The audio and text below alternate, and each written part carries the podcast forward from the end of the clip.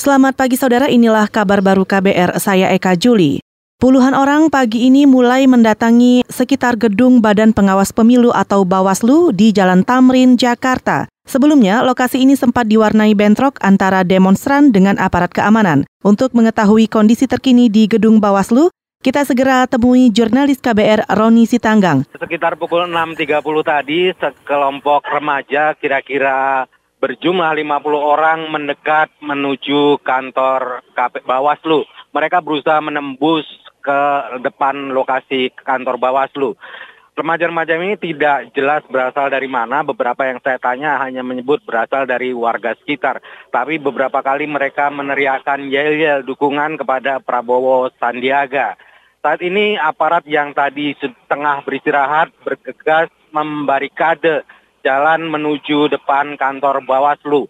Ratusan aparat sudah memblokade jalan perempatan di depan kantor Bawaslu. Sementara para pengunjuk rasa tertahan di seberang perempatan tersebut dan tengah duduk-duduk di lokasi. Demikian, Eka. Ya, Roni, kalau dari atribut yang dibawa masa terlihat kira-kira dari mana? mereka kelihatannya tidak cukup jelas, tapi ada satu orang yang membawa bendera merah putih dan satu bendera Nahdlatul Ulama. Kelihatannya mereka memanfaatkan lambang Nahdlatul Ulama 9 bintang ini untuk aksi, tapi belum pasti apakah mereka berasal dari Ormas Islam Nahdlatul Ulama. Dari masa apakah ada remaja atau anak-anak? Justru sebagian besar masa ini adalah remaja, kira-kira usia 15, 10 sampai 15 tahun atau SMP lah. Hanya beberapa orang dewasa, lima orang yang ada di barisan belakang remaja-remaja ini juga ibu-ibu atau mama ada di dalam barisan mereka. Tapi mayoritas kira-kira 50-an ini adalah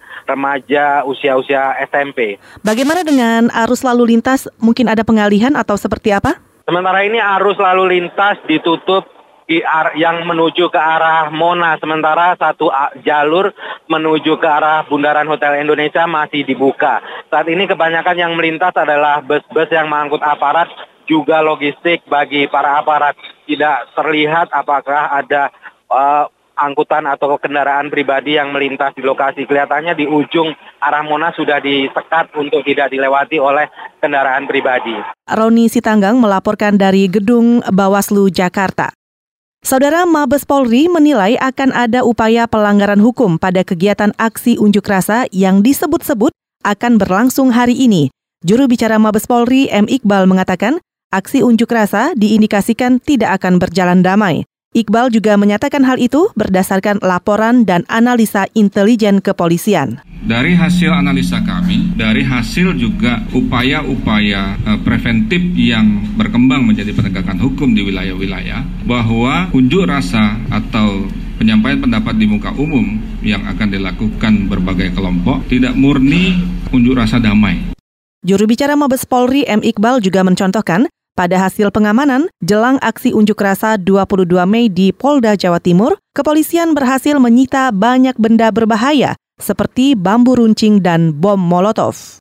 Saudara Kepolisian Republik Indonesia menangkap Sunarko, purnawirawan berpangkat Mayor Jenderal yang diduga terkait kepemilikan senjata api ilegal. Menko Polhukam Wiranto mengatakan penangkapan Sunarko dilakukan karena yang bersangkutan terindikasi melanggar hukum dan Wiranto juga menjelaskan Sunarko sudah ditetapkan sebagai tersangka dan menjadi tahanan Mabes Polri. Penahanan Sunarko dititipkan di rumah tahanan militer Guntur. Yang terakhir mungkin Pak Majen Sunarko ya.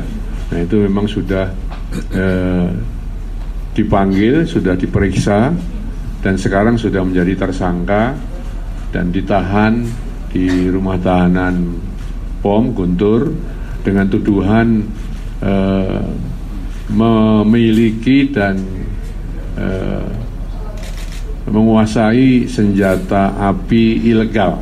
Menko Polhukam Wiranto belum menyebutkan secara rinci jenis senjata api yang dimiliki Sunarko. Kasus kepemilikan senjata api itu masih dalam tahap penyidikan. Wiranto menegaskan penegak hukum akan tetap melakukan pemanggilan dan penangkapan tokoh-tokoh yang dinilai terindikasi melanggar hukum. Saudara demikian kabar baru, saya Eka Juli.